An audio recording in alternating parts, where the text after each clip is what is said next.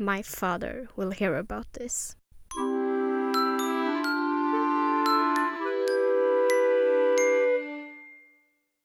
Hej och välkomna till Bokhörnan. Det är jag som är Lisa. Och det är jag som är Moa. Idag så ska vi prata om ett avsnitt som jag har väntat på jättelänge. Eh, och vi ska nämligen prata om Draco Malfoy från Harry Potter-böckerna. Eh, och vi kommer då utgå från alla sju böcker, alla sju filmer och eventuellt typ Cursed Child. Så Jag, jag är relativt säker på att det inte är lika många böcker som filmer. Det är en film mer. det är åtta filmer. Åh, herregud. Fake fan. Eh, och om ni undrar varför det har dröjt så här länge så är det mitt fel. Jag är ledsen. Lisas fel. Jag hade inte läst böckerna.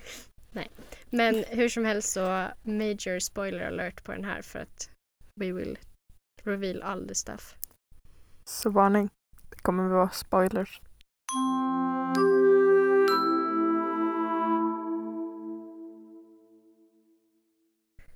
Okej, men om vi börjar prata lite om vem Draco är så att vi bara så här, ifall det är någon som inte har läst men kommer hit ändå. av Ja. våra fem lyssnare. Precis. Av, av de, ja, jag menar av alla som inte har talat om Harry Potter så är Draco Malfoy en kille i hans, i Harry Potters eh, årgång. Årskurs. Han är en Slytherin och han är ju pure blood så han är ju, vad heter det på svenska? Renblodig. Renblodig. pure blood lå- låter lite coolare. ja men han är ju inte Alltså inte liksom the main antagonist men han Nej. är ändå så här antagonist och Harry Potters typ nemesis i skolan. Precis. Harry Ehm. Potter, Harry Potter är typ Voldemort. Nej, Draco är min stora fiende. Ja, så att, men Draco är liksom, börjar böckerna vara den här bortskämda lilla snorungen eh, till att bli typ en av den ondaste trollkarlens an- anhängare. Sen så som en pure blood Slytherin så är han ju också ganska högt uppsatt. Malfoy-familjen är ganska högt uppsatta. Och inte minst så är ju Lucius Malfoy, alltså Dracos pappa, en Death Eater. Mm. Och eh, en ganska högt uppsatt, ganska nära Voldemort.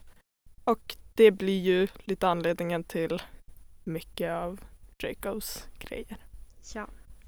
Och jag har Alltså som liksom Harry Potter-fan så kan man inte undgå att prata om Harry Potter med folk.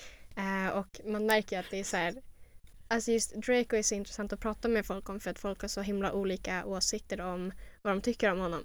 För det är så här som jag, det är liksom min typ litterära babe Valentine. Du sitter där och bara small bean. Ja, eh, medan vissa bara usch Draco, jag hatar honom. Och jag bara va? Eh, nej men eh, så att eh, jag tänkte tvinga med mig Lisa nu på att förklara varför Draco är en person som underskattas rejält i böckerna och varför han förtjänar mer kärlek än han får.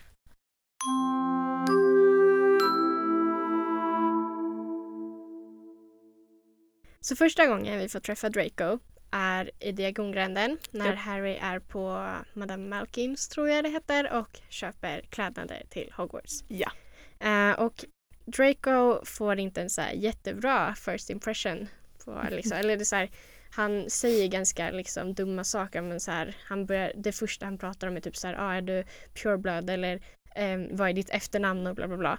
Ja. Ehm, och Harry säger, han påminner, eller han, Harry tänker, han påminner väldigt mycket om Dudley. Och jag blev så upprörd när jag läste det här. för jag läste precis om en bit för jag är med i en Harry Potter bokklubb så vi håller på att läsa första boken tillsammans. Ja. Eh, nej men, och då, då vart jag så här, jag bara men nej, han är inte alls som Dudley. Okej så här, visst. Draco är en mobbare. Det är liksom... Det är Dudley också. Precis. Men, men samtidigt så får ju båda en ganska eh, redemption arc typ. Jo, jo, men jag tänker så här. Om vi kollar på liksom Okej, vi har det faktum att de är mobbade. Men om vi kollar på det faktum varför de är mobbade. Mobbare. Mobbare. Bra Mm. jobbat. Eh, så ser vi liksom att Dudley, han hela tiden så är han så här satt, Bortskämd. ja, men han är bortskämd av sina föräldrar. Och vi- visserligen är liksom Draco också det men Dudley är så här, han, dels är han bortskämd med prylar men han är också bortskämd med kärlek. Eller så här, de sätter alltid honom först och liksom he's the center of the whole family. Eh, medan Draco han får jättemycket saker visst för att hans pappa har hur mycket pengar som helst. Men när får han någonsin kärlek av sin pappa? Ja, Lisas tystnad tyder på att inte en enda gång. Jag ryckte på axlarna. Det var, det, var inte, det var inte att jag sa inte en enda gång, det var mer av ett det syns aldrig i boken eller filmerna eller i någon av uppföljarna, det vill säga Cursed Child. Precis. Eh, och då, är- man märker liksom på första Alltså när man har läst alla böckerna och sen läser om den första och just den scenen då när vi får träffa Draco första gången så märker man att det han säger är hans pappas ord genom honom. Eh, och man märker det på Draco, liksom allt han vill här i livet är ju att bli omtyckt av sin pappa. Och för att hans pappa är en så himla liksom framstående trollkarl och det är klart, vem vill inte liksom få approval av sin pappa? Ehm, ja, det finns folk som inte vill det men de flesta barn, speciellt liksom när de är 11, om man har en pappa som finns där så vill man ofta ha hans approval. Specifikt också om det är en son. Mm, Små pojkar vill ju ofta ha följa i sina papp pappors eh, fotspår. Det är ganska vanligt. Och då är det liksom, han gör så mycket hela tiden bara för att bli omtyckt av sin pappa. Eh, för att få pappans gillande och pappans kärlek. Eh, och sen är det ju också så att alltså, barn formas ju efter den familjen de växer upp i. Och deras åsikter blir liksom barnets egna tills barnet blir gammalt nog och formar sina egna åsikter. Eh, och jag tycker det här är så himla viktigt att poängtera som du sa, Dracos Redemption Arc. Heter den så? Ja. Ja. Eh, liksom han, han går ju från att vara den här liksom, men verkligen så här skitungen som bara så här mobbar allt och alla och bara kastar ur sig taskiga saker och bla bla bla. Eh, Till att rädda Harrys liv. precis. Och det jag menar de jag... räddar ju hans liv några gånger efter det också. Ja men så här, jag tror att den största liksom vändningen i Dracos karaktär måste ju vara när han, när Harry, vi pratade om det här innan när ehm, de får tag i Harry i sjunde boken och eh, kommer med honom till Malfoy Manor och ehm, visar upp dem för typ Bellatrix eller vem det är och så kommer de och bara Malfoy känner igen honom för han har gjort någon så här förtrollning på ansiktet. Och han bara maybe. Ja, så han säger liksom för det är uppenbart att han känner igen Harry men Ja. han säger inte att det är Harry. Han Eh. säger maybe åt allt. Som jag hade läst det, det är intressant för att jag kunde ju, innan jag läste det så kunde jag ju plotten bara för att jag hade läst online. Men det låter, fansen får vissa delar att låta väldigt annorlunda än vad de är i boken. För att då jag läste den här biten så verkar det alltid på alla fans som att han typ, nej det här är absolut inte han. Men han säger bara maybe. Mm. Så han säger jag tror han inte säger så, I'm not sure liksom. I'm not sure maybe. Mm. Typ så. Och det är lite, ja han räddar ju livet på honom genom att inte säga att han vet men det är också liksom. Ja men jag tror också att där är det så här, han räddade Harry, han räddade sig själv. Om han hade bara, nej. Det är Ja. inte. Och så hade det visat sig, för de kom ju på bara, men det är Harry. Typ tre Jo, sekunder senare. precis. Eh, Men det, men det är ganska stor skillnad från hur fansen får det att låta. Jag tänkte på samma sak, det är inte Draco men då eh, McGonagall ser den här have a biscuit. Den är också ofta tagen ut ur kontext.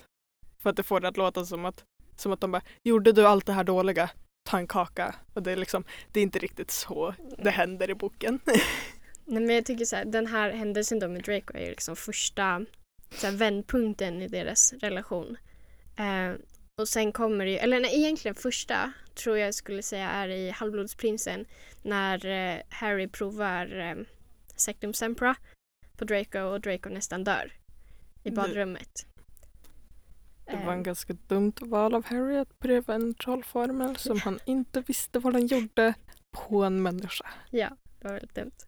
Men han gjorde det och jag tror där var det också så här, han bara oh shit jag ångrar mig verkligen. Och där började jag känna så här, jag känner hopp för den här relationen. För att det är liksom, den har så mycket potential. Och speciellt i, också i sjunde boken när eh, eh, vid behovrummet brinner. Eh, mina handrörelser. Eh, nej men eh, då så håller ju Draco faktiskt på att dö i elden men Harry fångar upp honom på sin krast På sin krast, ja. på sin kvast och flyger honom därifrån. Ehm, Men egentligen, och sen så, de överlever ju där. Vem är det som gör den rollformen? Ehm, Är det Crab Crab eller- Goyle? Jag vet Ja. inte vem av dem men den Vem som är det som det dör? dör. Det är, det det samma som Det dör? är samma som dör. Då tror jag att det är Crab. Eller är det Goyle? Jag vet inte. Fake fan! Eh, En av dem. en av dem. Eh, fun fact då, i filmen så är det Blaise Sabini som är med istället för en av dem för att en av skådisarna åkte i fängelse at the time. Så han var inte med. Eh, Så är typ 17.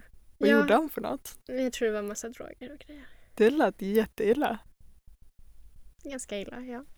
Eh, nej men jag var Azkaban. Jag varit lite arg för att det var också så, här, så mycket potential för deras vänskapsutveckling där. Och så bara så här, nej, då dog det ut liksom.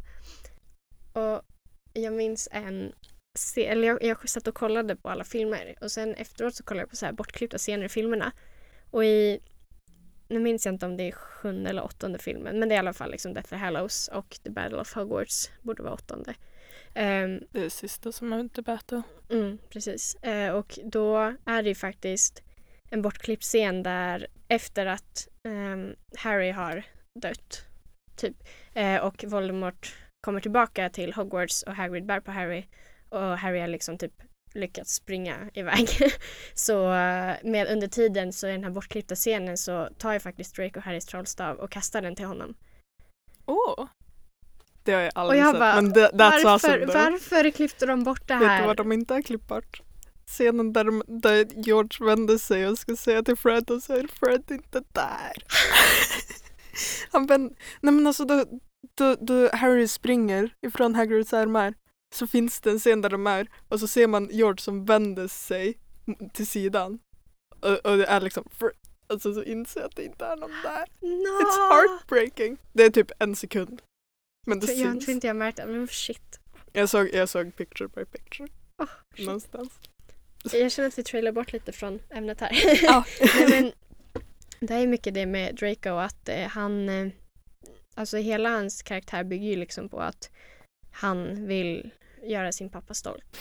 Och man märker det också så här, alltså man märker det tydligt i böckerna men i filmerna framförallt för där kan man också så se ansiktsuttryck och jag tänker på um, Hemligheternas kammare. Eh, I början av filmen så är de ju två andra, ja, Ja. precis.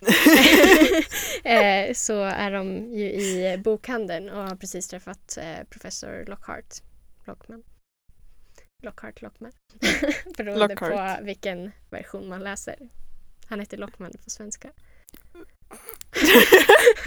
Va? Ja, Varför har de bytt det jag namnet? vet inte. Jätteskumt. Lockhart Ehm, låter ju bättre. Det Ja. kanske bara är för att jag är van vid det. Ja. Men i alla fall då så efter så går ju liksom Harry, Ron och Hermione och Ginny typ ut. Och så stöter de på Draco. Och sen så står de och pratar och sen så kommer Dracos pappa och lägger handen på Dracos axel. Och man bara kollar på Dracos ansiktsuttryck. Han är verkligen så han bara Åh gud, inte du. det är så himla kul. Ja, så kul. Eh, så ja. ehm, nej, men också när ehm, Draco liksom blir dödsätare. Alltså hela hans sjätte år. Jag tycker så synd om honom. Men alltså, alltså i boken, han syns ju nästan aldrig i boken men då han syns så så är det ju alltid kommentarer om alltså hur mager och blek han är. Ja, Och jag typ- "Min jag typ- baby!" What you doing child? Så jag visste inte riktigt vad han höll på med. Ja. Jag visste att det var någonting som han höll på med. Jo men det är verkligen så, han är 16. Och han tvingas liksom Lisa måste räkna efter. 17 väl? Nej, för de är i första boken, de är 11. Och sen, eller han, han kanske är ett år äldre, jag vet inte. 11, 11, 12, 13, 14, 15, 16. Okej. Ja. You win. han, är, han är 16. Eh, och liksom tänk, han har det här uppdraget att han måste liksom fixa ett sätt att få in massa dödsätare på sin skola så att de kan komma och ta död på folk för annars typ kommer hans familj och typ råka jätteilla ut liksom. Är inte hans uppdrag också egentligen att ta död på Dumbledore? Ja, det också. Men, men alltså tänk dig det, 17 år, 16 år, vad kommer fram till? 16 år. Så, och så kommer Voldemort och bara du ska ta död på din rektor. Skulle Mm. du göra det? Alltså jag känner såhär, har man något val? Liksom, alltså, så här, Nej. För det första, Voldemort kommer liksom dödshotar. Ehm, och för det andra så har man sin pappa som är liksom Voldemorts basically nästan högra hand, inte riktigt men väldigt nära. Som också är så här, du måste göra det här dels för för att liksom vi gillar Voldemort, dels för att skydda familjen, men så här, allting liksom. Tänk dig så Mm. hemskt det måste vara att vara en dödsätare. Alltså, jag bryr mig. Alltså, det känns som att den enda personen i boken som vill vara dödsätare är Bellatrix. Mm, Alltså då jag läste den här scenen då de sitter runt bordet mm. så känns det som att alla bara är li- alltså livrädda för att vara i det där rummet. De vill inte vara där. Förutom typ Bellatrix som njuter av det. Hon är speciell.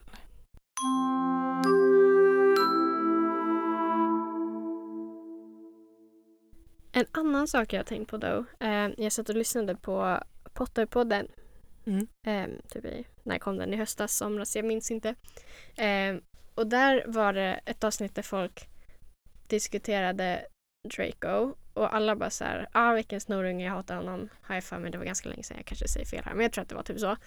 Sen började de prata om Snape och hyllade honom som världens Alltså så här, hjälte och världens godaste person och jag, jag varit så upprörd. Snape worst. Jo men Jag gillar han inte är ju Snape. det och det är så här, och det är liksom också så här, man kan tänka att om jag tycker att Draco förtjänar redemption för sina saker kan jag tycka att Snape förtjänar någon så här form av liksom, men det är verkligen inte samma sak.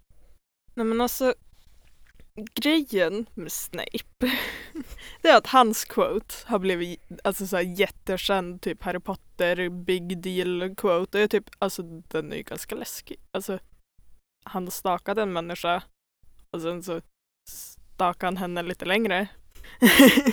och sen så bara oj jag är fortfarande jättekär i henne trots att hon har dött och jag gick över hennes eh, död, hennes mans döda kropp för att komma till henne och jag brydde mig inte om det gråtande barnet. Om man typ liksom Enda anledningen till att han hjälper Harry är ju för att det Ja, men det, det där är verkligen så här, folk bara, och hela, tiden, hela den här tiden så bara skyddade han Harry. Och jag bara, okej, Fast- yeah sure, han hindrade Harry från att bli dödad, men vad fick Harry för liksom, alltså tänk från första sekund som Snape träffade Harry i första boken, så mobbade han honom. Men också att eh, Alltså om man läser boken För att nu går vi in på Snape här Om man läser boken så, så säger de att enda anledningen till att han hjälper Harry är för att han är Lillys son. Mm. Och anledningen egentligen, alltså till att han hjälper Lillys son är ju inte att det är Lillys son utan för att Lily dog för att rädda den här sonen. Mm. Så han är liksom, okej, m- min stora kärlek som inte gillade mig tillbaka. Som jag kallade ett basically rasistiskt slur på Harry Potter-världssättet. Eh, dog för det här så då måste jag hålla reda på det. Och jag typ, men det är lite konstigt. Ja, och det är verkligen så här, anledningen till att jag tycker att liksom Draco ska få mer än han förtjänar fast han är en mobbare men inte Snape som är en mobbare för att Snape han är typ 30 år i första boken. Han är vuxen och han mobbar små 11-åringar. För liksom, alltså i skolan, han är lärare, man ska, inte, man ska inte trycka ner sina elever, man ska lyfta upp dem. Och tänk typ allting han gör mot Neville. Man märker att jag är liksom väldigt upprörd på det här. eh, Hela det kroppsspråk som ingen förutom jag kan se. Men alltså, ja. Och Snape så här, det är ingen som tvingar honom att vara elak. nej. Till skillnad mot liksom Draco. Det var, det var min poäng. Snape, Snape är bara elak. Ja, Eh, men också, folk brukar jämföra att eh, Dumbledore är ganska illa också. Och jag, och jag typ, jo, men allt han gör är ju för att liksom, han har, han har jag förstår mig inte på hur han gör det. Han har ju någon sorts framtidssyn för han gör ju allting jättestrategiskt och vet att det här kommer hända då och det här kommer hända. Jag typ, han, han gör det ju som för att rädda allting. ja. Han är en sån här typ, eh, då vi jobbade med karaktärer någon gång med manusen i tvåan Mm. så hade vi ju något där vi skulle göra någonting där någon var typ expert. ja Visste allt. Och jag tänkte på det då jag fick reda på liksom Dumbledores planer. Jag typ, han, han måste ha listat ut precis hur alla ska tänka. Och det är ju inte lätt. Nej, och jag är så här, jag har lite svårt för Dumbledore. Eller inte svårt för, jag har svårt att bestämma vad jag ska tycka om honom. För det är så här, jag tycker han är jättemysig, så här, gammal så här, typ morfarsgubbe liksom, Ja. som man bara vill krama. Men han gör också ganska så här wicked grejer. Ja, Eh, alltså, han, är ju ingen- ingen mobbare. nej han är ju ingen ängel. Men alltså, jag tycker att jag förstår inte riktigt vad folk säger som är så dåligt med honom. För han är ju liksom en tredimensionell karaktär. Ja, men jag tror grejen är att de så här, ja du berättar, du gör Harry, eller så här, får Harry göra massa grejer men du berättar aldrig någonting om varför du typ använder honom som ett redskap för att veta att han ska dö. Alltså det är typ basically det. Ja, men jag känner också att viss, ganska många tillfällen så är det ju Harry som har tvingats på också. Ja, och sen tänker jag så att the same time, Harry dog ju inte. Nej. Dumbledore visste ju säkert det. Han, vet, han vet ju om dödsreliken och han vet att Harry har eh, manteln. Han ger Harry eh, stenen och han fattar att Harry kommer få trollstaven. Alltså det känns så som att han kan lika gärna ha planerat allting för att han vet. Alltså så här. Mm, Det känns som att hans karaktär kan se in i framtiden eller någonting. Mm, För att det känns ju, alltså i sista tillfället, han har ju planerat allas reaktioner. Inte bara Harry och Rons och Hermiones utan även hur Snape ska fungera, hur orden ska reagera, hur, alltså hela skolan. Och jag typ, det är ingen som Ja, och skulle han har ju liksom också så här, han bara okej nu kommer eh, Voldemort gå efter min trollstav så det är bra om vi har någon eh, som någon annan som han inte vet har liksom tagit över makten på den, alltså Draco då. Så Precis. Ja, för jag tänkte på det visste ju också. aldrig att Draco hade den egentligen för att det inte var Draco som dödade honom men det var Draco som avväpnade honom. Precis, det, alltså Han- han, han har ju tänkt jättelångt i för, förväg. Får jag gå tillbaka till den scenen med Draco? Jag tänkte på det också. Det är ju första gången som man egentligen verkligen, verkligen ser hans, eh, hans point of view. Ja. Man ser ju fortfarande Harrys point of view men alltså det är ju här, då, då han säger ehm, han skriker ju där på, eller skriker, han säger ju, då han pratar med Dumbledore och säger ehm, typ eh, jag måste göra det här, han kommer döda mig, han kommer döda hela min familj. Som Och så, och så kommer ju Dumbledore och bara vi kan hålla undan dig, vi kan rädda dig. Och så, och Draco är ju, Draco dödar ju inte honom. Nej. Han pratar ju nästan alltså jätte, jättelänge. mm. och Och jag, det är ganska också Dracos karaktär. jag tror grejen där är att det ligger mycket så trust issues för att jag tror att han vill lita på Dumbledore men samtidigt hans pappa har ju hela tiden så hållit på att bara Dumbledore kan man inte lita på, han kan ingenting och bla bla bla bla. Så det är också så här, man bara, men mitt hjärta. Sen så kanske han inte vill fly heller. Om man säger eh, han kommer döda mig, han kommer döda hela min familj. Då är det ju om han blir undangömd Mm. så dör ju hela hans familj. Mm. Voldemort har ju antagligen hans mamma i närheten. Och pappan är väl i Azkaban i den boken. Nej han, jo Jo, i den, jag tror att han kommer ut då precis den. innan, ja jo så är det nog. Han, han kommer ut, ja precis för dementorerna byter sida. Ja. Så, ja. Men, men eh, antagligen så har för, för det gör ju så att Lucius är säker under den biten. Mm. Men Narcissa är ju inte det. Nej. Och jag gillar ändå Narcissa. Och jag gillar henne också. Narcissa är ju också, räddade också livet på Harry. Ja, och det känns som att men det gjorde hon ju enbart för att så här, is Draco still alive liksom. Ja, men, det är Men ju ändå liksom, det det, visar ju att- att hon bryr sig om Draco. Ja, för det för känns... hon kunde ha frågat det och sen så ställt och sen så ställt sig upp och sagt han lever. Ja, och jag, jag, det känns som att jag tror inte att hennes relation med Lucius är så bra. Eh, jag tror att han är väl, kan vara väldigt så här abusive eller väldigt så här maktbenägen åtminstone i liksom relationen. Och att hon ändå så här försöker göra så mycket för Drake och Det är så, här så fint liksom mamma. Men jag undrar också, på tal om Lucius, hur manipulerad av Voldemort han är. Säkert jättemanipulerad. Så jag tror att han var För han är ju också livrädd för Voldemort. Ja men jag tänker, alltså första gången Voldemort var stor då Mm. var ju liksom Lilo och James typ 20. Eller jag tänker att det kanske började när de var så här 15-ish. Jag vet inte hur länge det höll på men där kring liksom. De var unga. Ja, Eh, och Lucius, jag tror att han är äldre än dem men jag tror inte att han är jättemycket äldre än dem. Vilket knappast. betyder att han kanske var så här 20-25. Och där är man fortfarande väldigt så här, man kan vara ung och vilsen och inte veta vad man vill. Och det kan ju också hända att hans föräldrar var som han var mot Draco. Ja, helt klart. För antagligen, för man lär sig ju det från honom. Ja, men precis. Och det är ju inte säkert att han tänkte att det kanske skadade Draco. Antagligen tänkte han inte det. Men en sak också jag blev så här irriterad på på det här med liksom föräldrar och vi pratade ju om innan för jag bara men alltså i The Cursed Child och du kom fram till kanske även epilogen eh, så beskrivs ju Draco som att han har långt hår. Och jag bara det gör att han liknar sin pappa helt. Och hur, hur kan han vilja det? För att jag känner att så här, efter det som hände i sjunde boken så måste han ändå förstått liksom att okej, okay, min pappa var kanske inte någon man skulle se upp till. Och det känns som att, eller jag minns inte riktigt Courage Childs för att jag tyckte inte om den. det var länge sedan jag läste den. Överlevde Lucius? Ja, men jag tror att han sitter, eller jag tror att han kanske är död då men han satt i Azkaban typ jättelänge. Sen kanske han dog i Azkaban, jag vet inte. Men han, han satt i Azkaban väldigt länge i alla fall.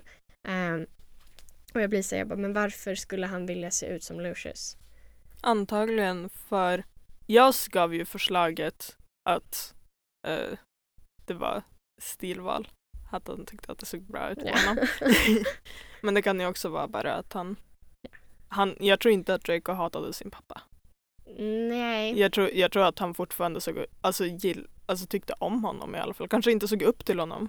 För han insåg väl antagligen att han hade fel. Men jag tror inte att Draco hade något emot honom. Nej, det är, så här, det är hans pappa liksom och det är Precis. svårt som barn att, in, att typ, alltså man känner att man får inte hata sina föräldrar. Och jag vet inte om han det. kanske, ja det får man. Men han, han kanske kände att han inte fick det och att han då Antagligen. inte gjorde det liksom. Men jag känner också, men jag känner också att um, Draco ser hans pappas fel och så de kanske pratar om det eller någonting. Men det, jag känner att de har nog kanske inte en jättedålig relation i slutet. Och bara, Sen så tror jag säkert att det är ett stilval. Håret. Eller så kanske det är så här J.K. Rowling som har en grej för killar med jätteblont hår och jättelångt hår. Gud vilken konstig mening. Ja. Eh. Jättekonstig mening. Jag trodde att du skulle säga att det var en konstig människa. Mm. Tom Felton är ju nice. Då. Ja. En Där annan... blev helt... en annan grej jag tänkte på är, förutom liksom Draco och hans eh, psykologiska ja. ohälsa. ohälsa, psykisk ohälsa, precis. Nej men jag tänkte på hur stor, eller så här, hur viktig del han spelar i böckerna. Eh, Jättestor. För jag tänker liksom eh, återigen i min Harry Potter-bokklubb nu så när vi läser om böckerna så valde jag att ha så infallsvinkeln, bara, men hur hade det ändrats om typ Harry inte hade betett sig som en douche i början och han och, nej, Draco hade. Okej, okay. det var om, om Draco inte hade betett sig som en douche och han och Harry hade blivit kompisar. Och jag funderar på det sättet varje dag. det är så här, min stora, mm. så här, livets stora fråga. Jag tror ju att allting hade ändrats. Uh, Harry skulle ju ha haft en förebild i Slytherin. Ja. Jag tror inte att det finns en fråga om att Draco skulle ha hamnat Slytherin. Draco och jag tror inte heller att det finns en fråga om att Harry skulle hamna i Gryffindor. Nej, Harry hade hamnat i Slytherin. Jag tror inte det. Jo, för, jo, alltså, för så här. För de säger ju, många säger ju det. Men har du någon, någonsin tänkt på att anledningen till att han kanske skulle ha hamnat i Slytherin är för att han hade en del av Voldemort i sig? Nej men jag tänkte att, nej, alltså dels det, men sen så grejen är att första gången han träffar Draco så säger Draco så här, åh jag hoppas jag hamnar i Slytherin, bla bla Och då har ju liksom Harry redan fått en dålig bild av honom. Och sen så efteråt så går han till Hagrid och Hagrid bara, ah, det är bara onda som hamnar i Slytherin. Hade inte, hade inte Draco varit liksom en douche så hade Harry inte fått ett dåligt intryck av Slytherin. Och även om, även om han hade pratat om Slytherin med Hagrid och Hagrid hade sagt det så tror jag ändå att han hade så här Typ jag tror att han hade kunnat hamna i Slytherin. Ändå liksom. Jag är tveksam. Sen så hade det ändrat också hur Draco hade sett uh, The Weasleys? Um, det där funderar jag också jättemycket på. Um, för, för jag tror inte det. För det skulle också, Harry det, bli jättebra kompis med Ron direkt. Ja men det här är en så intressant grej för att jag tänker så här. Um, Okej, okay, om han hade blivit kompis med Draco, eller så om de hade liksom kommit bra överens. De hade ju ändå inte träffats förrän, är det i Hogwarts eller på tåget de träffas? Jag minns inte. Uh. Ja, men grejen är att han träffade i alla fall Ron innan han träffade Draco igen. Mm. Och han hade ju troligtvis ändå blivit kompis med Ron. Och det intressanta då är att tänka så här, okej okay, men om han då blir kompis med Ron och sen kommer Draco. Hade Draco liksom förstört allt och det hade blivit som det blev, alltså som det är. Eh, eller hade liksom Draco, hade de tre blivit kompisar? Och hade Draco, för då hade ju Draco helt klart fått så en annan liksom eh, för tänk då om Draco hade fått följa med hem till Weasleys och fått sett hur de har det där. Precis som Harry blir så förvånad över allting. Tänk om Draco bara så här, oj, man kan mm. få kärlek i sin familj liksom och allt behöver inte vara så här materiellt och kallt och Så jag tror Mm. att det hade gjort jättemycket, alltså för Draco framförallt om de blev kompisar och för Harry tänker jag mer så här, okej han hade hamnat i Slytherin. Ehm, hade det gjort honom ond? Troligtvis inte för att Antagligen Harry är inte. som han är och Slytherin är inte bara onda människor. Nej, Ehm, absolut inte. men jag tänker, alltså jag tror att det viktigaste är att det hade gjort, men jag tror ändå att hade han hamnat i Slytherin på något sätt tror jag att det hade ändrat hela storyn liksom. Typ kanske så relationen till Snape typ. Ehm, hade han börjat spela quidditch så här, vem vet, för han hade inte haft McGonagall som bara ja, Harry spelar quidditch. Ehm, så det är ändå så här jätteintressant att tänka på. Men jag tror, jag tror som sagt att det mesta hade hamnat hos Draco. Vad skulle hans relation till McGonagall ha varit? Alltså troligtvis. Alltså jag menar McGonagall hade ju ändå hans föräldrar. Och jag tror att hon tyckte väldigt mycket om marodörerna fast hon typ blev galen på dem. eh, så jag tror ändå att hon hade haft liksom, hon hade inte betett sig som Snape mot honom. Nej, knappt. Alltså, nej. All, inte en chans. Hon Nej. är inte en sån människa. Nej. Men alltså, jag tror fortfarande, medan han kunde ha hamnat i Slytherin så tror jag också att det finns en chans att han hade hamnat i Gryffindor ändå. Mm, kanske. Det skulle vara jättefint med ett eh, med en vänskap mellan Gryffindor och Slytherin. Mm. För att oftast om man ser eh, vänskaper som är över gräns, husgränserna så är det Hufflepuff och Slytherin och Ravenclaw och Gryffindor. Mm. Möjligtvis att Hufflepuff och Gryffindor och Ravenclaw. Att Och jag och Lisa. jag är alltså en Gryffindor och Lisa är en Hufflepuff. I'm a Hufflepuff, they are the coolest. Vi nådde inte varandra. vi, skulle göra en brofist men vi nådde inte så det blev en finger någonting. Nej men jag tror ändå för så här, anledningen till att han hamnar i Gryffindor är ju för att han ber om att inte hamna i Slytherin. Men jag känner också att han är ju, han har ju väldigt mycket ambition. Alltså han står ju för väldigt mycket av det som Slytherin står för. Men eh, han är ju också, han är ju också väldigt mycket av det Gryffindor står för. Och han drar ju ut svärdet ur hatten. Mhm. Och det, och det var ju liksom the Gryffindor, only the true Gryffindors kunde göra det. Men hon kanske la in det bara för att alla så här Ron skulle vara i Hufflepuff och Hermione i Ravenclaw och Harry Slytherin. Så hon bara nej jag ska visa att Harry ska vara i Gryffindor. det nej men det är en bra poäng. Så, så det är liksom, han skulle mycket väl ha kunnat hamnat i Slytherin, det tror jag definitivt. Men Men- jag tror att det är inte bara för att han bad om det som han hamnar i Gryffindor. Men tror du inte att man kan tillhöra båda typ lika mycket? Eller alltså, för att jag Men det känns som att han gör typ det. För gränsen mellan Gryffindor och Slytherin är ändå väldigt hårfin. Alltså de är väldigt lika elevhem och jag tror att det är därför de bråkar så mycket. Antagligen, det brukar vara så alltid. Saker som är nära varandra bråkar mest.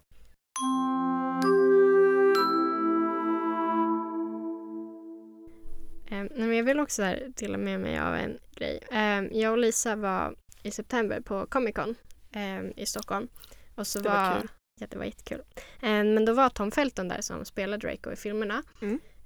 Väldigt så här motsats till Draco så är Tom väldigt så här snäll och god människa, vilket är lite lustigt. Men jag tänkte just på en sak han sa.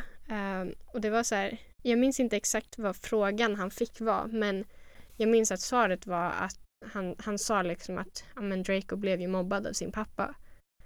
Och det satte så himla liksom, och det är ändå så här, Tommy är ändå någon som verkligen har varit Draco som, liksom- okej det är inte bok Draco men Det är ändå Draco. det är ändå Draco, liksom, han har verkligen varit honom i så många år. Han, säger ju, han sa ju också, eh, antagligen i samma, att eh, de har ju inte en fin relation. Nej, Lucius och Malfoy, jag känner att jag kanske Lucius, Lucius- och Malfoy. Lucius och Draco har ju inte en jättebra relation. Nej, De, det sa han ju också rakt ut. För de är ju inte, Lucius är ju inte så bra mot honom. nej och jag är så här, det känns som att till och med så här, Lucius skulle kunna vara en sån farsa som slår sitt barn liksom.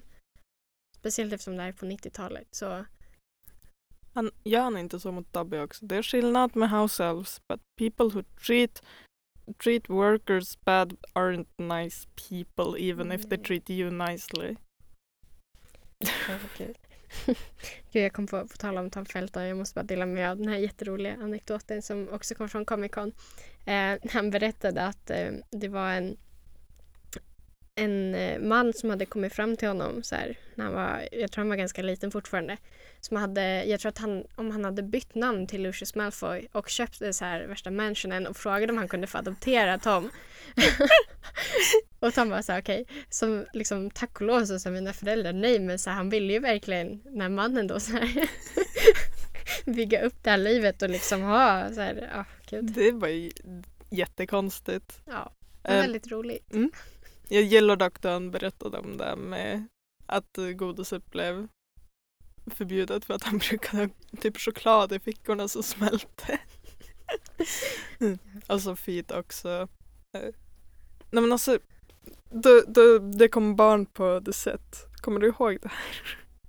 De ja, pratade om det. Alltså, alltså, alltså skulle han vara liksom så här trevlig och bara hej och så, och så var alla rädda för honom för att han spelade Draco. ja.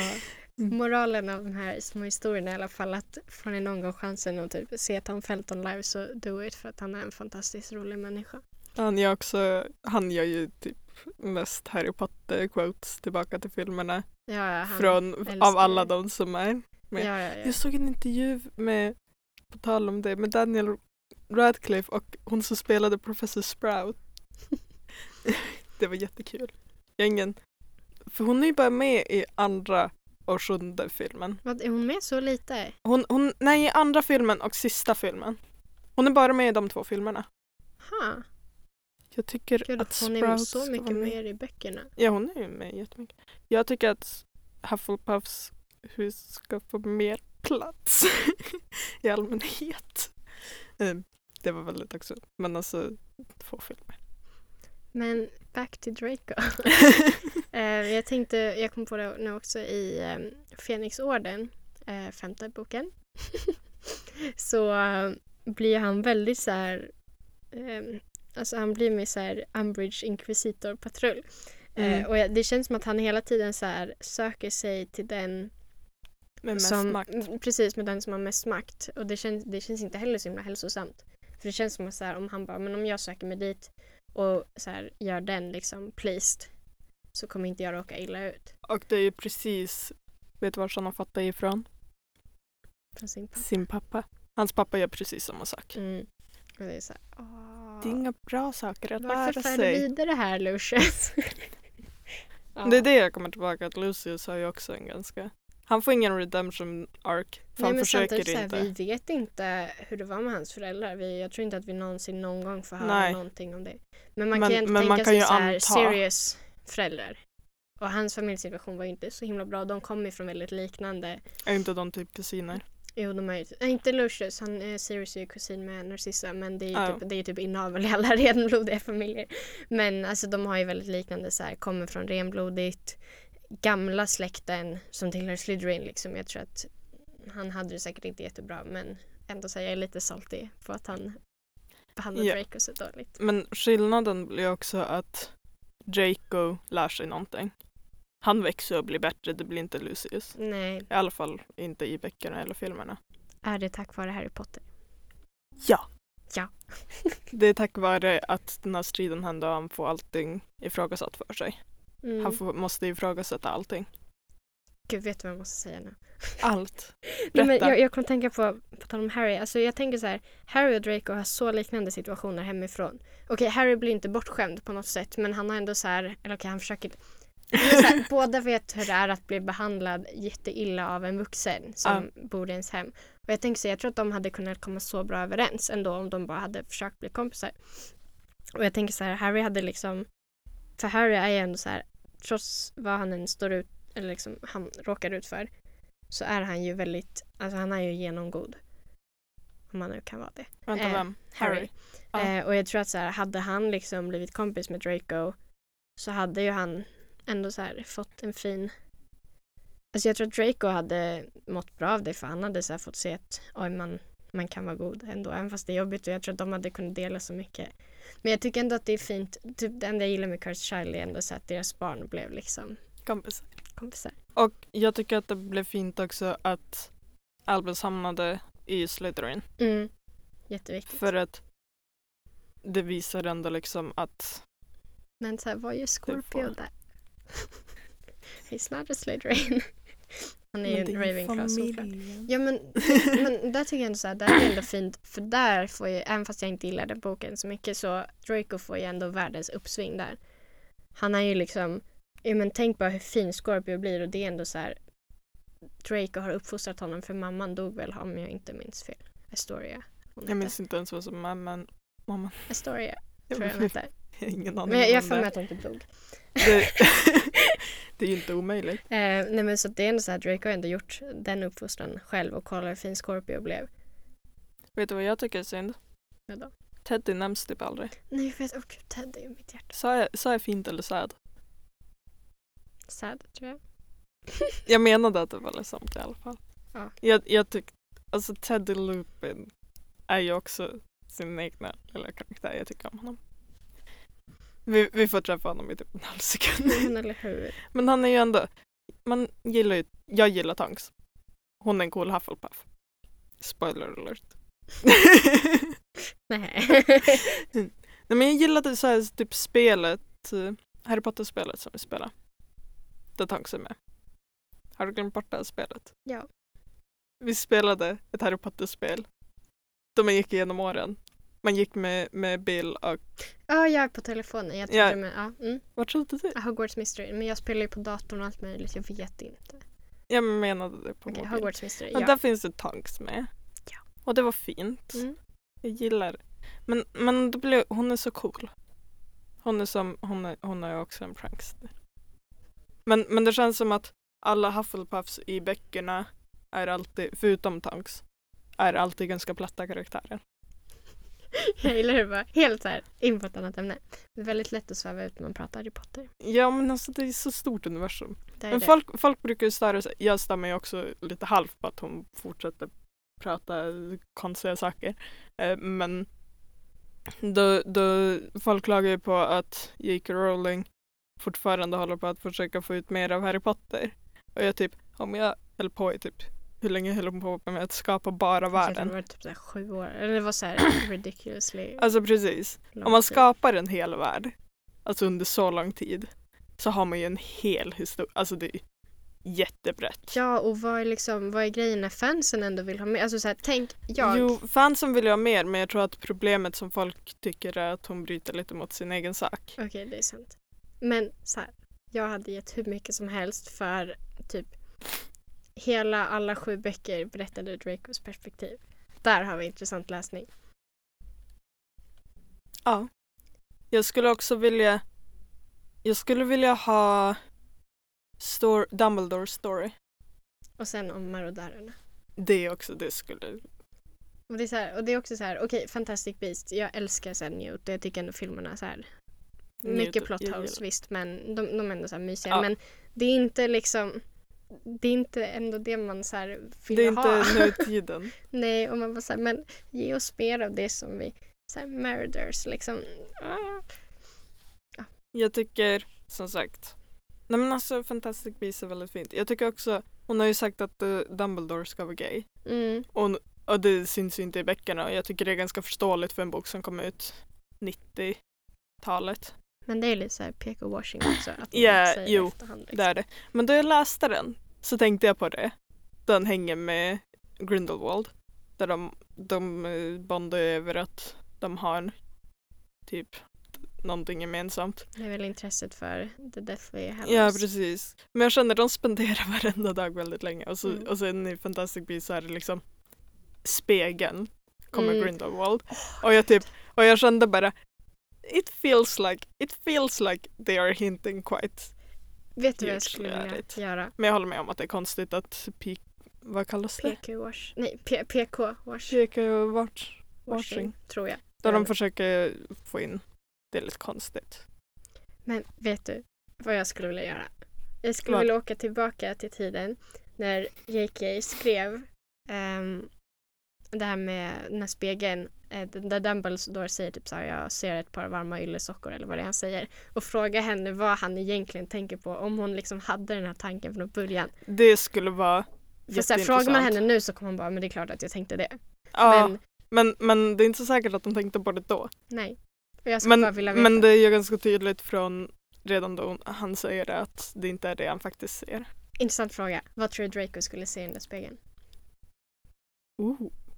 Jag tror han skulle se sin pappa som klappar honom på axeln och ser stolt ut. Ha. Aldrig gett det tanken. Eller möjligtvis att han typ står som så här Voldemorts högra hand för att det är vad hans pappa vill att han ska bli. Men det känns som att det är så här. Tror du det inte li- att han skulle stå som så här typ någon sorts minister of magic eller något? Jag tror, eller att pappan är, alltså jag tror att han för han vill ju ha makt. Det är därför han letar upp maktpersoner och följer dem. Mm, Tror du inte att hans största, jag tror, jag håller med om det här att han vill att pappan ska vara stolt. Alltså att det, han skulle kunna se det. Men jag tror också att han skulle kunna se liksom någonstans där han har mycket makt. mm, fast är det liksom hans, här, hans hjärtas djupaste önskning? Kanske. Kanske inte, kanske. Men intressant. Ändå. Men det känns ändå som att det, det känns också som att det kan ändras ganska mycket de sakerna Mm. genom åren. För jag tror utan tvekan att han mycket väl kan se sin pappa Ja, som typ när han är över honom. 11. Ja. Hade han följt med Harry ner dit så är helt klart att han hade sett sin pappa där liksom. Gud, mitt Jag gillar också gulleplutt. att Ron typ, vad ser Ron att han har vunnit eh, någon Ja, han så här quidditch-pokalen och han är väl så här första ordningsman. Nej, men han är ju så här jätte... Är det det prefect heter på svenska? Nej, det finns det- en efter. så Är det head? Ja, head. Headboy. Ja, jag tror det. Ja.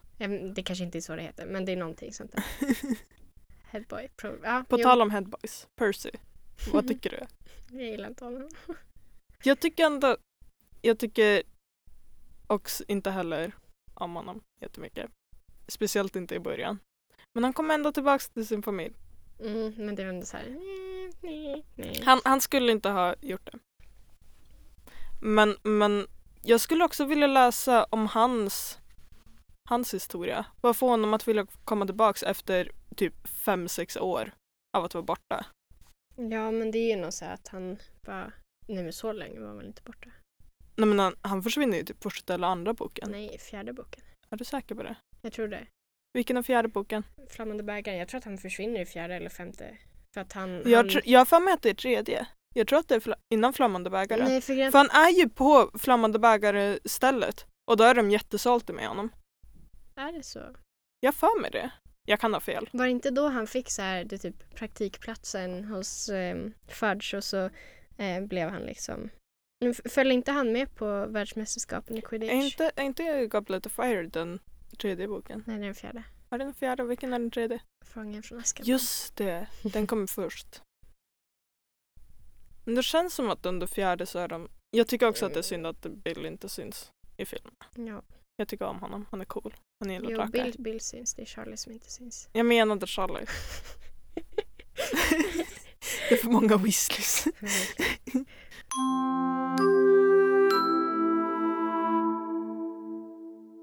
In conclusion, för att det är ett långt avsnitt, Ja. eh, så tycker vi att Draco, Han är en mobbare visst, men han har liksom...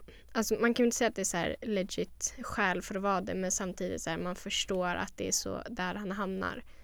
Och han, han är, man märker att han är god egentligen för hur han beter sig från typ bok 6, 7. och också att han mest troligt har fått det från sin pappa. And he's nothing like Dudley. Dudley får ju typ också en redemption arc. Inte lika tydlig och inte lika bra. Det är också en bortklippt scen tror jag ur sjunde filmen. När, han- när de typ så här, när Dursleys åker. Jag tror, undrar om de flyttar. Ja, Men de, de sticker ju. ja de kanske bara sticker när de, De, ska de, blir, Harry. de blir, precis, de blir tillsagda att var inte här för ni kommer bli dödade. Ja, typ. och så frågar Dudley så här, eh, när de ska åka i filmen, den här bortklippta scenen, han bara men varför, varför kommer inte Harry? Typ, och sen så Det gör han i boken de. också. Gör han, han kanske gör det och sen så Det kramas de och jag bara...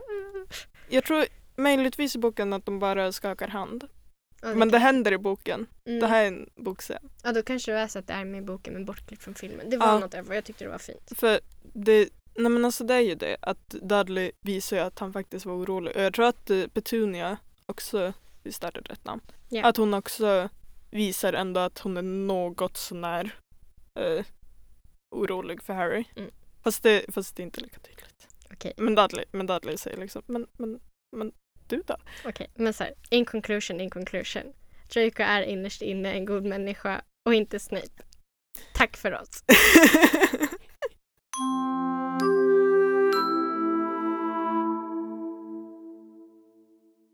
Tack för att ni har lyssnat på det här avsnittet av Bokhörnan. Jag hoppas att vi ses snart. Det är jag som är Lisa. Och det är jag som är Moa. Hej då!